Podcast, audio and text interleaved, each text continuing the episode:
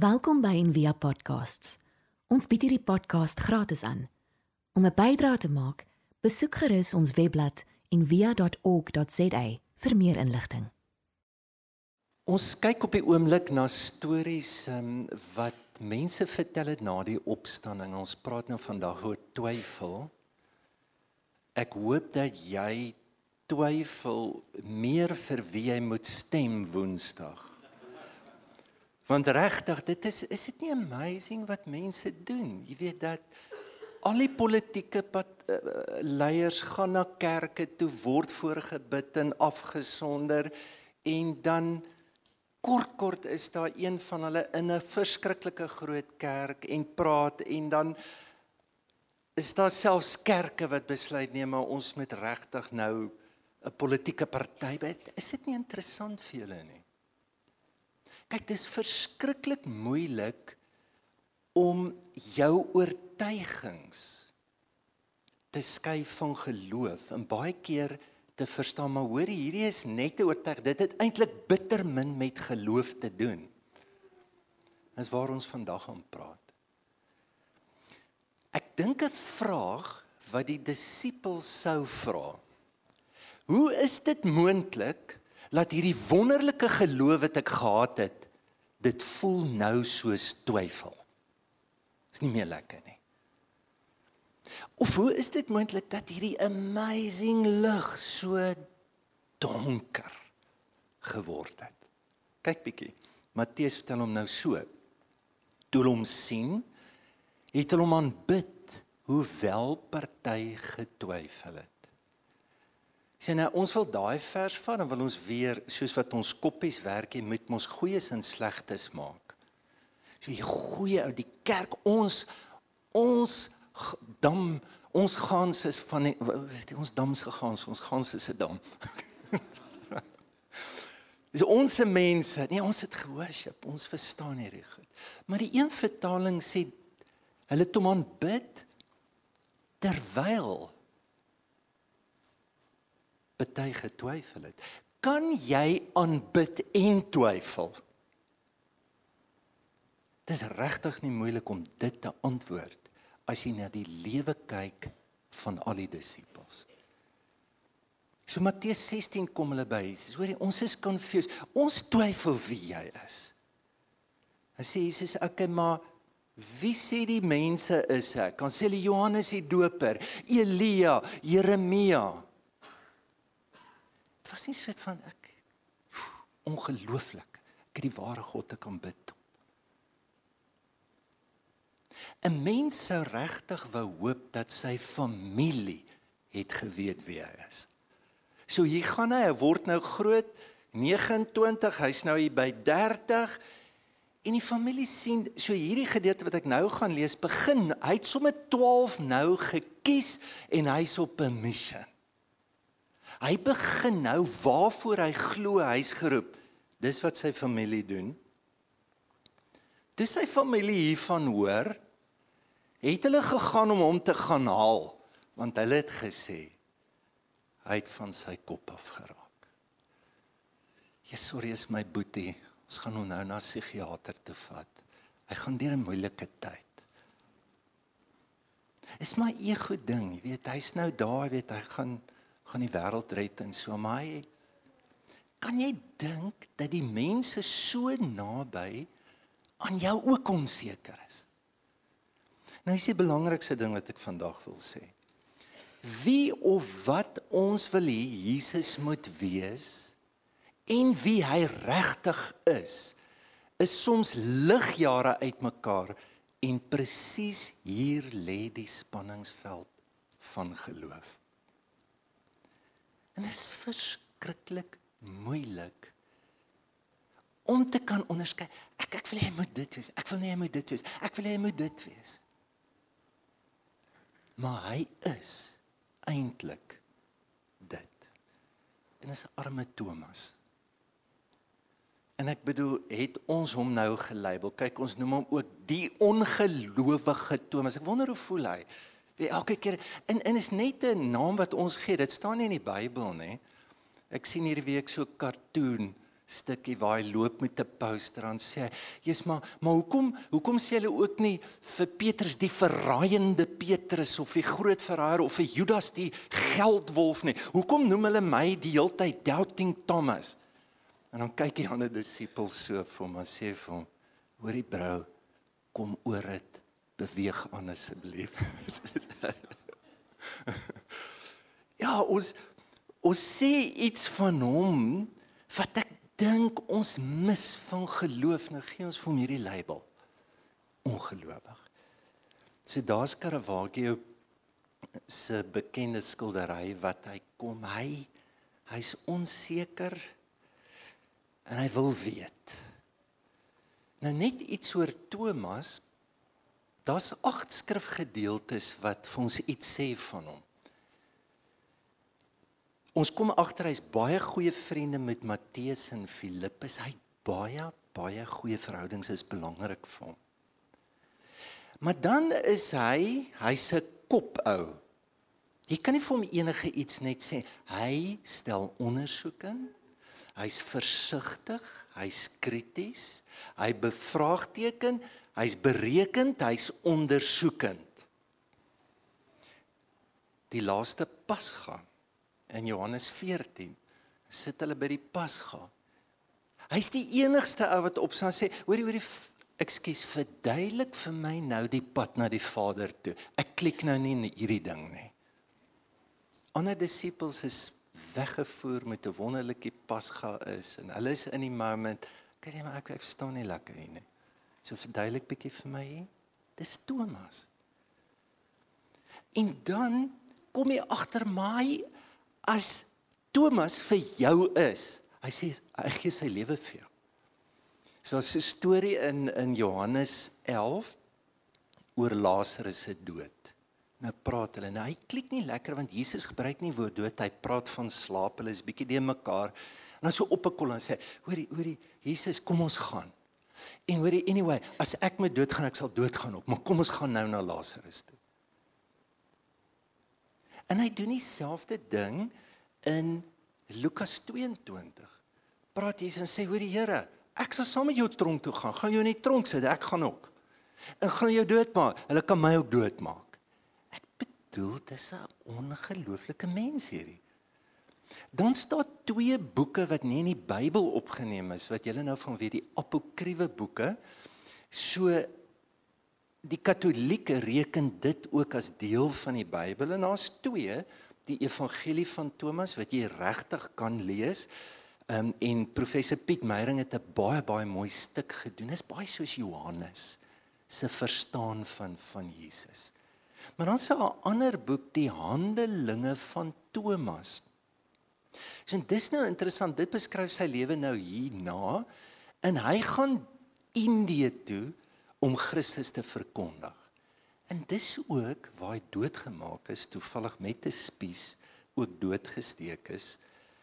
En dan word hierdie stories vertel en een van die stories is dat hy gaan na die koning van die noorde toe in Indië en hy was glo 'n goeie skrynwerker en hy bou 'n paleis en goed.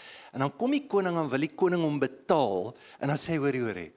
Vat hierdie geld, nê. Nee, dan gee dit weg vir mense is Thomas. Ek bedoel as as 'n mens die die bietjie wat ons weet. So is hierdie nou 'n storie oor hy teruggeval. Is hierdie storie Ja, dit is omdat hy so gekommit is dat hy nou na twyfel toe gaan. Dis die ding wat ek wil sê. Geloof voor veronderstel twyfel. As jy geloof het, dan is twyfel saam. Kyk as ek sê ek glo Parys is die hoofstad van Frankryk. En ek sê ek weet dat die hoofstad van Frankryk is Parys. Kan jy voel as 'n verskil nogal, nê? Nee? Geloof is presies Ek het 'n diep oortuiging van enige mens wat naby aan die Here leef en wat nader aan die Here kom, sal dieper twyfel ook. Op 'n meer persoonlike vlak daai's Brian McLaren en 15 jaar terug dit ek en 'n klomp vriende, my broer en het ons op hierdie boek afgekom en dit was amazing. Baie keer as jy boeke lees, dan voel jy maar jy glo dit, maar jy het nie die woorde en hy die woorde. En ons het 'n kontak gemaak met Brian en vra kan hy nie Suid-Afrika toe kom nie. Hy het twee keer Suid-Afrika toe gekom. Ek was daai tyd betrokke by die kweekskool. Ons het 250 predikante daar gehad en hierdie amazing gesprekke gehad van okay, maar wat bedoel dit dan nou ons met die goeie nuus vat? Wat wat, is dit? Wat bedoel ons dan gaan wat is die evangelie? Wat wat, wat is dit beteken dit God is vir ons en hy's nie by die ander nie ons moet God soen toe vat nou? Of of wat is dit? En kan ons ook sê dat as ons gaan, gaan ons ook, nie omdat ons alles weet nie. Maar kan ons met ons twyfel ook gaan? Ek ek wil nie sê persentasie noem van die kerk nie, sou jy sê nee. Ons weet. Dit was vir my bevrydend en een van die ongelooflikste goed. Ek het traan my oë gekry toe ek hierdie lees van hom gradually now I'm starting to realize what the great mystics of the past knew. God can be experienced through doubt and other spiritual diseases in aanhalingstekens. So, I am learning more and more to doubt with God instead of against God. Wat van is dit die uitnodiging is dat God jou roep in 'n diep verhouding met hom en dat jy saam met hom kan twyfel en jou geloof uitwerk. Daar's nie een disipel, daar's nie een persoon in die Bybel wat jy sal van lees wat nie deur 'n diep stryd hulle geloof gevind het nie. Is dit nie wonderlik? Jy weet baie keer is soos 'n kar wat jy koop, as jy nou 'n kar koop, dan voel jy, "Jesus, maar wat hier's nog een. Daar's nog een en daar's nog een." Ek ek onthou wonderlik dit vir my was om met die Bybel te sit maar met hierdie verstaan in in 'n skrif soos Jesaja 1 vers 18 wat die Here sê come let us reason. Ek wil jy nou hieroor praat. Kom. Is dit dink ons regtig die Here sê hoorie bly stil. So is dit. Vat dit of los dit. Hemel of hel vir jou my broer. Dis ons geen openheid, maar wat, wat van as dit 'n uitnodiging kom dan. Kom laat ons praat. Nou daar's twee reuse werke in hierdie dorp geskryf deur 'n um, prof Anton van Niekerk en ek wil volgende keer na Moedersdag wil ek meer daarop fokus. 'n Boek wat vir my ongelooflik baie beteken het en daar's emeritus prof Jaap de Rand, hy's in sy 80's. Dis sy boek wat hy nou net, is nou net vrygestel. En ek, jy weet ek kyk na die boek, ek dink Is dit nie amazing om so mooi oud te word? Die boekies is op ons blok ook as as jy dit sou wou hê. Maar da, jy kan maar sê daai is die dis sy reis met God van sy hele lewe.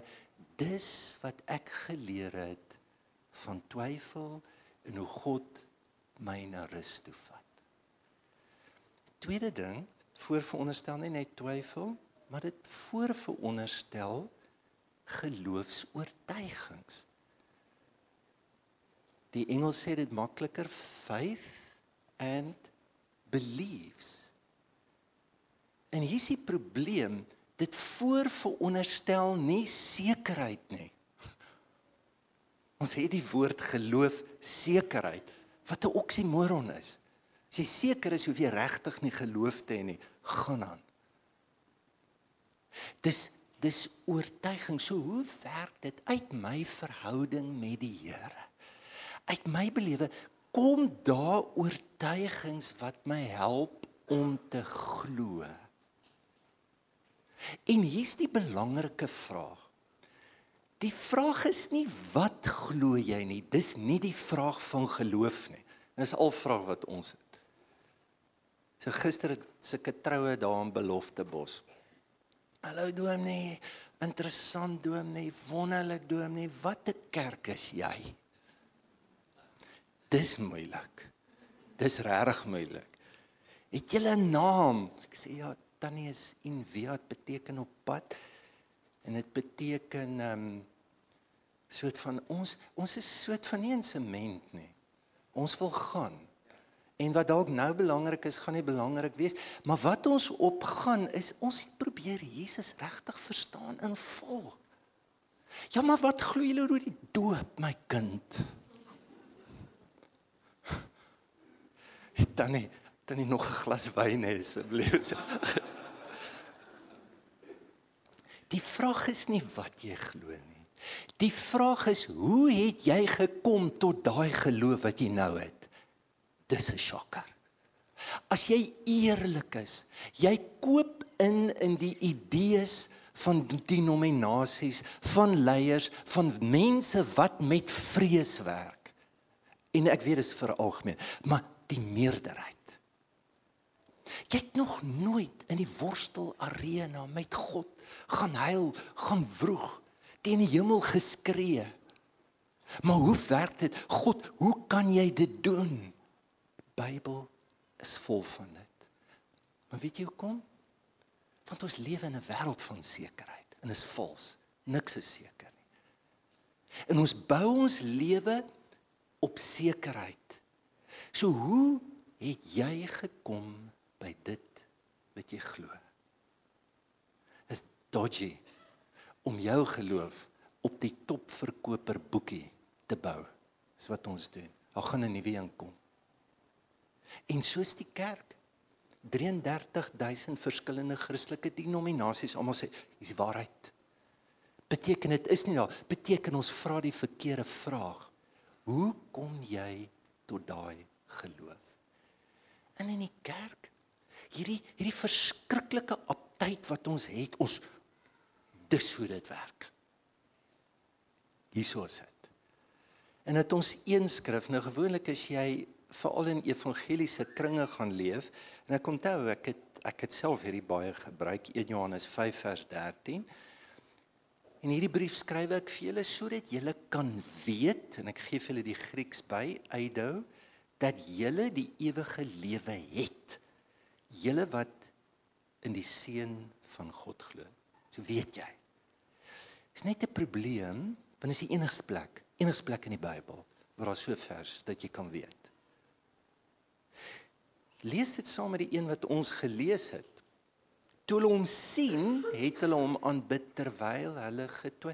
Dis presies dieselfde woord En as jy nou na goeie ehm um, mense wat in in met Grieks werk, kommentare en goed woeste seker een van die grootstes in die wêreld, sal sê eido oida is a perception a being aware of an understanding intuitive knowledge which in the case of believers can only be given by the holy spirit.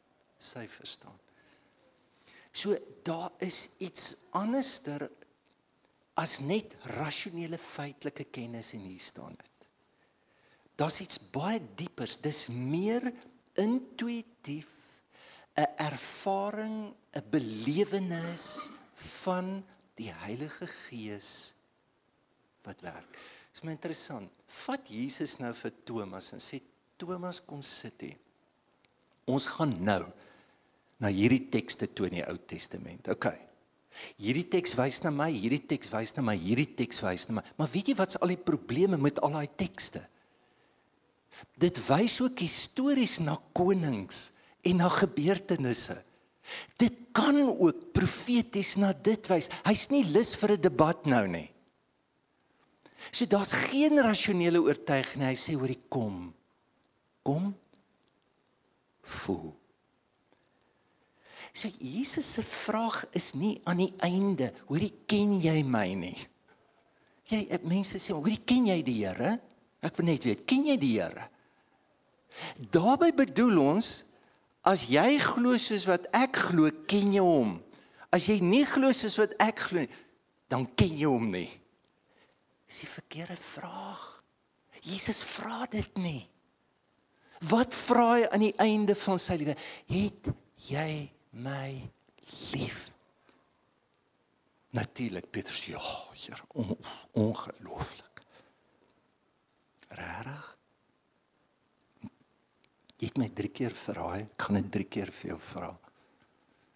Dis totaal 'n ander lewe.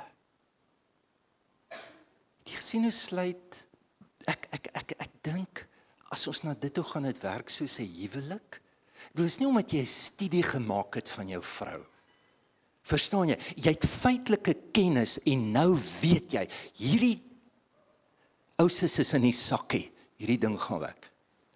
Trou net, bring my weer jou lys hê. Toe dis nie lekker nie. Jy gaan twyfel. En jy gaan vorentoe, jy gaan agtertoe, jy gaan dis liefde. Ek hou hiervan van Friedrich Buchner wat sê doubts are the ants in the pants of faith. They keep us awake and moving. Dit wil hy hy God is te lief vir ons om jou net te los, om soos 'n babietjie vir ewig te glo. Word groot. Paulus sê toe ek 'n kind was, het ek so gedink en geredeneer, maar ek is dit nie meer nie. Waar waar sê dit? In die hoofstuk van liefde. Is hoe dit werk. En twyfel sal kom om vir jou die gawe te gee om jou verder te vat. Ek sluit af. Geloof voorveronderstel geloofsdade. Paulus as jy hom lees, as hy oor geloof skryf, dis wat jy doen en jou gehoorsaamheid aan God. Bottom line. Doen jy dit? Nou hier's 'n ander krisis. Hoekom weet ons nie alles wat Jesus gesê het nie? Het, het jy al agtergekom die goed waaroor ons beklei het Jesus nie eens oor gepraat nie, soos in nul. Ons maak sulke teologiese afleidings en goed. As ons Jesus volg, hoekom hoekom is daar eintlik verskriklik min van Jesus in die Bybel? En ons het nou hierdie gelees. Hierdie hierdie is 'n antiklimaks. Daar is nog baie ander dinge wat Jesus gedoen het. Maar as dit een vir een beskrywe moet word, dink ek, sou die hele en dis 'n bietjie oordrywing, sou die hele wêreld nie genoeg plek vir die boeke gehad het. Hoe weet jy hoekom dink ek? So as ons alles het, jy het nou al die reëls en goed. Hoekom wil Jesus hê? Het mos nou die reëls so gaan aan. So nou sê ek iets wat wat dalk moeilik gaan wees vir jou. Jesus se verkondiging is nie kwantitatief volledig of afgehandel of afgeslote nie. Dis daai vers wat dit vir ons sê. Dit is nie. Dieselfde Johannes as hy hier oorskryf sê, maar die Gees gaan julle lei in waarheid. Die Gees gaan julle vat in jou onderrig. So Jesus se boodskap kry voortdurend nuwe gestaltes binne verkondiging. Ons glo meer omdat ons ervaar en God se liefde ervaar as wat ons weet. Ek was in staan 3 en daai tyd was dit hippie tyd soos in groot so ek het ook Belbottomstraat het 'n pers en 'n breine gehad met 'n 'n uh, turn-up, 'n turn-up was ook soos groot. En toe ek voel ek wil 'n hangertjie en toe koop ek in Durban vir my so 'n hangertjie. 'n Sint Christopher hangertjie en ehm um, ja natuurlik toe ek by die huis kom toe die katkesasie dan ek sê dis van die duiwel. Ek het ook eintlik nie meer ek het nie eens geweet wat dit beteken maar is eintlik fisieke mooi storie aan dit. So Sint Christopher was hierdie verskriklike groot man. Maar hy kon nie glo nie. Hy het, hy het net gesukkel. En hy het gedog, so wat gaan ek met my lewe doen? Ek gaan my lewe gee by 'n rivier waar dit baie gevaarlik is en daar's veerbote wat die hele tyd oorgaan en ek gaan my lewe, ek gaan ek gaan daar help. En op 'n dag gaan hy en in die aand slaan 'n boot om en daar's 'n klein kind wat besig om te verdrink. Hy duik in, hy haal die kind uit en hy dra die kind op sy skouer en terwyl hy met die kind loop, kyk hy vir die kind en toe hy in die oë van die kind kyk, toe kom hy tot bekering en hy voel hy het Jesus gesien. Nou vergeet nou of dit nou is dit nou die waarheid storieetjie. Dit spreek een van die belangrikste vraagstukke aan eintlik hierdie ou hangertjie en hierdie dingetjie. En dit wat doen jy as jy sukkel om te glo? Wat wat doen jy? Wat doen jy as jy voel maar die lig in jou word donker? Wat doen jy as jy net fisies die sintuiglike kan toelaat in jou lewe? Dit vir jou verskriklik moeilik is om bo die sintuiglike te lewe. Weet jy wat sal Sint Christopher jou antwoord? Wil jy nie eerlik lewe met die hoogste respek vir lewe en help en diensbaar wees. Dis daar wat jy die opstanding kry. Ja, ek ek hoop so vir oggend ek ek het geen begeerte om te laat twyfel nie of dit is dis nie doel nie. Ek hoop so kan net vir jou sê ek weet hoe moeilik dit vir my was as twyfel kom ek moet dit besweer ek lees meer ek werk harder ek het meer gesprekke dan voel ek weer beter daaroor. Dis kopwerk. Ek wil jou uitnooi na hartswerk toe met geloof se ander dimensie. Jy gaan dit nie met jou kop kan doen nie. En ongelukkig ons sit in 'n kerk wat wat sekerheid aanbid Dit gaan jou seermaak. En dit breek my hart om soos gister op 'n trou te staan en ek connect met van daai jong mense en sy uit die kerk, uit die kerk, uit die kerk, uit die kerk. Almal het geglo. Nooit toegelaat dat ons vra kan vra, dat ons kan worstel en dat ons eerlik kan wees met mekaar nie. As jy twyfel, vandag jy is in ongelooflike geselskap. Jy dalk nader as baie ander.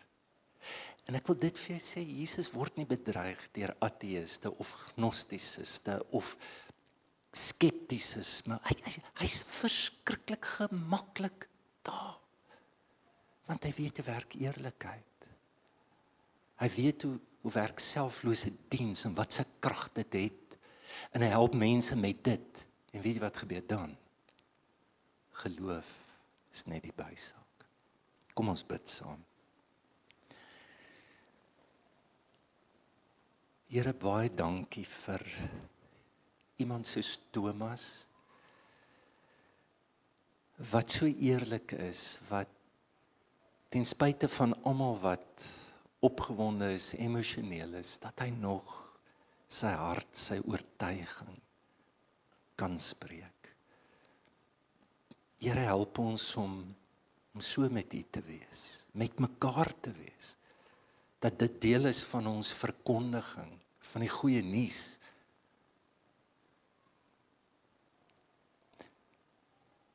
Ek bid ook vandag dat dat U ons geloof sal verdiep gee ons se genade om te kan laat gaan van 'n kindergeloof. Maar laat ons lewe met die geloof wat berge skuif. Wat enorme hoop bring. Wat lewe ver bokant die oortuigings, die idees wat vir ons probeer sekerheid gee, maar 'n sekerheid wat diep uit U uitkom. Ek bid dit in Jesus naam. Amen. Ons hoop van harte jy het hierdie podcast geniet of raadsaam gevind. Besoek gerus en via.ok.za vir meer inligting.